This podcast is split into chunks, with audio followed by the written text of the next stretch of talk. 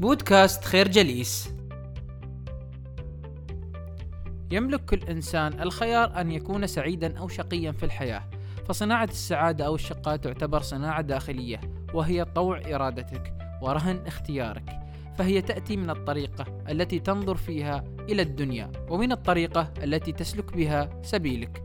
ولكي يتغلب الإنسان على شقائه ويحقق السعادة عليه أن يتجاوز عدة حواجز أو عقبات ومن أهمها أولا الحسد ومد النظر وعقد المقارنات فكما قال المثل هيهات لحاسد أن يسعد. ثانيا الاستسلام للمشاكل والقبول بالوضع السيء فأصحاب هذه العقلية المستسلمة دائما ما يكونون في هم دائم وضيق مستمر. فإذا أردت السعادة فانهض من مكانك وتحرك وابذل الجهد ولا تستسلم. ثالثا الاعتقاد بأن الحاضر تعيس سببه ماضي كئيب باق لا يزول فبعض الناس يحاصرهم هم وشقاء الماضي. مثل معاملة غير منصفة من الوالد أو عدم دراسة التخصص المرغوب أو خسارة مالية هنا. عليك أن تؤمن بأن الحياة لا تتوقف عند الماضي.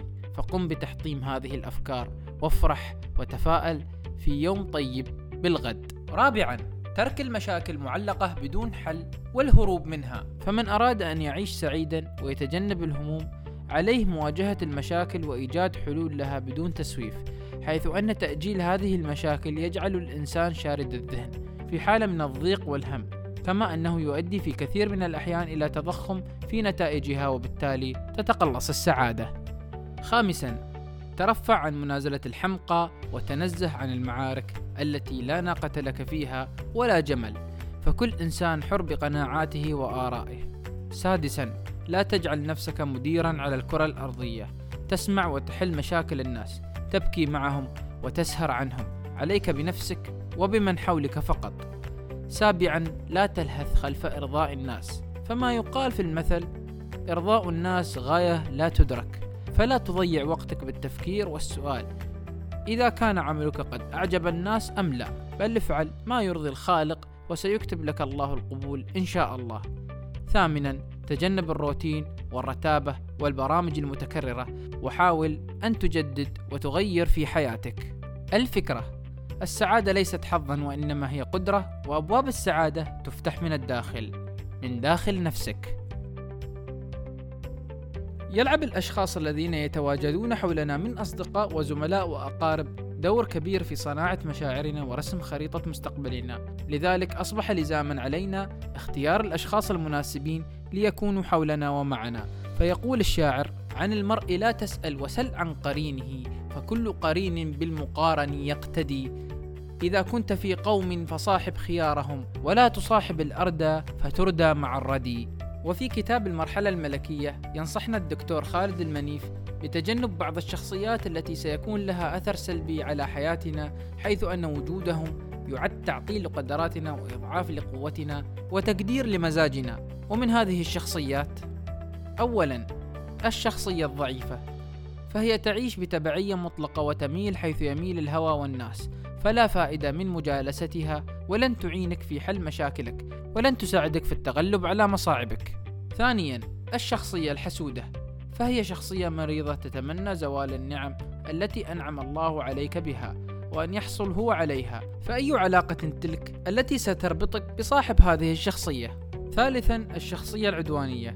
فهي شخصية عنيفة السلوك وسليطة اللسان ذات ردود شرسة ومؤذية على الغير.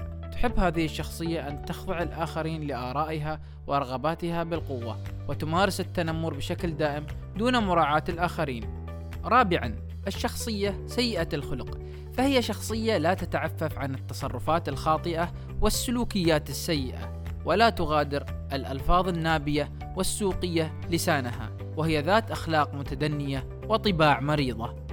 خامسا الشخصية كثيرة الزعل فهي شخصية يستحيل إرضاؤها وهي كثيرة الهجر لأتفه الأسباب ويصعب التواصل معها لذلك لا تضيع وقتك وجهدك في مصاحبتها سادسا الشخصية المحبطة فهي شخصية محطمة لا تراعي حلما ولا تقدر إنجازا وبالتالي تؤدي مصاحبتها إلى إضعاف الحماس وتعطيل القوات وتفتير الهمم وإطفاء نار الشغف والعزيمة.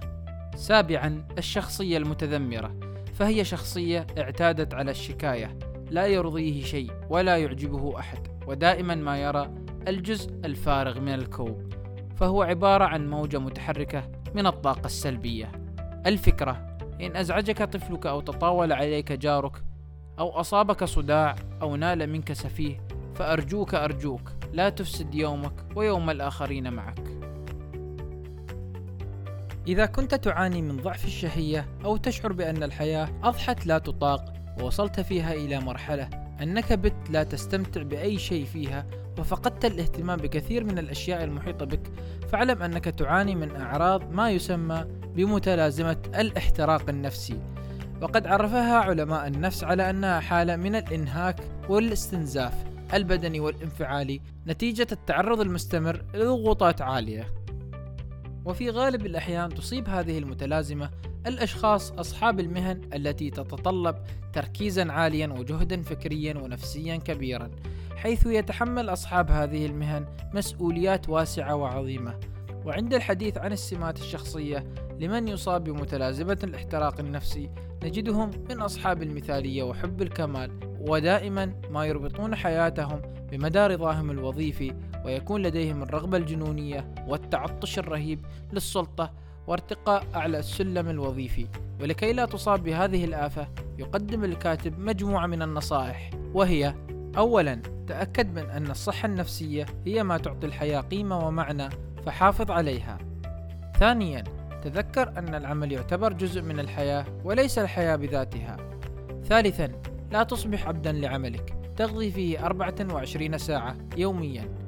فبينك وبينهم عقد يتمثل في ساعات معينة ويجب الفصل بين العمل وباقي نواحي الحياة. رابعا عليك أن تعرف ما هو المطلوب منك في العمل وما هي حدود مسؤوليتك وتعلم أن تقول لا لما هو خارج مسؤوليتك. خامسا عليك بممارسة الرياضة كالمشي أو الركض أو ركوب الدراجة فهي تساعد بشكل كبير في تخفيف ضغوطات الحياة.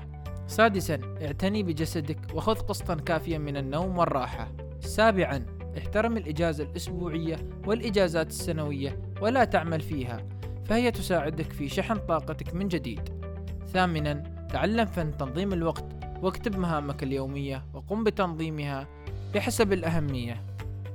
الفكرة جرب أن تتعامل مع الأزمات التي تزورك بعقلية الواثق من حلها. في الحياة قد تبتلى بمجموعة من الأشخاص الذين لا يريدون لك الخير. ويبيتون لك كل قبيح ويتمنون لك الأذى.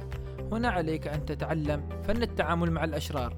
ففي البداية يجب أن تفهم أن وجودهم يعد واحد من لوازم الحياة وإحدى متطلبات النجاح. فلا يعرف شيء إلا بوجود نقيضه.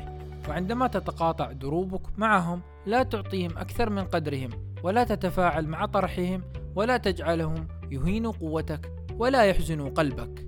فوجودهم في حياتك شهادة عدل على تفوقك وتميزك.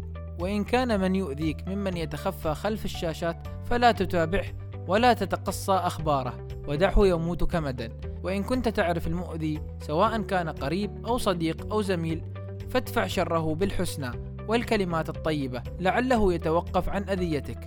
وإن لم ينفع ذلك معه فلا بد من أن تكون قويا وجريئا في التعامل معه. فالبعض يحتاج لمخلب الأسد أو لنفثة الثعبان حتى يتوقف عن الأذية.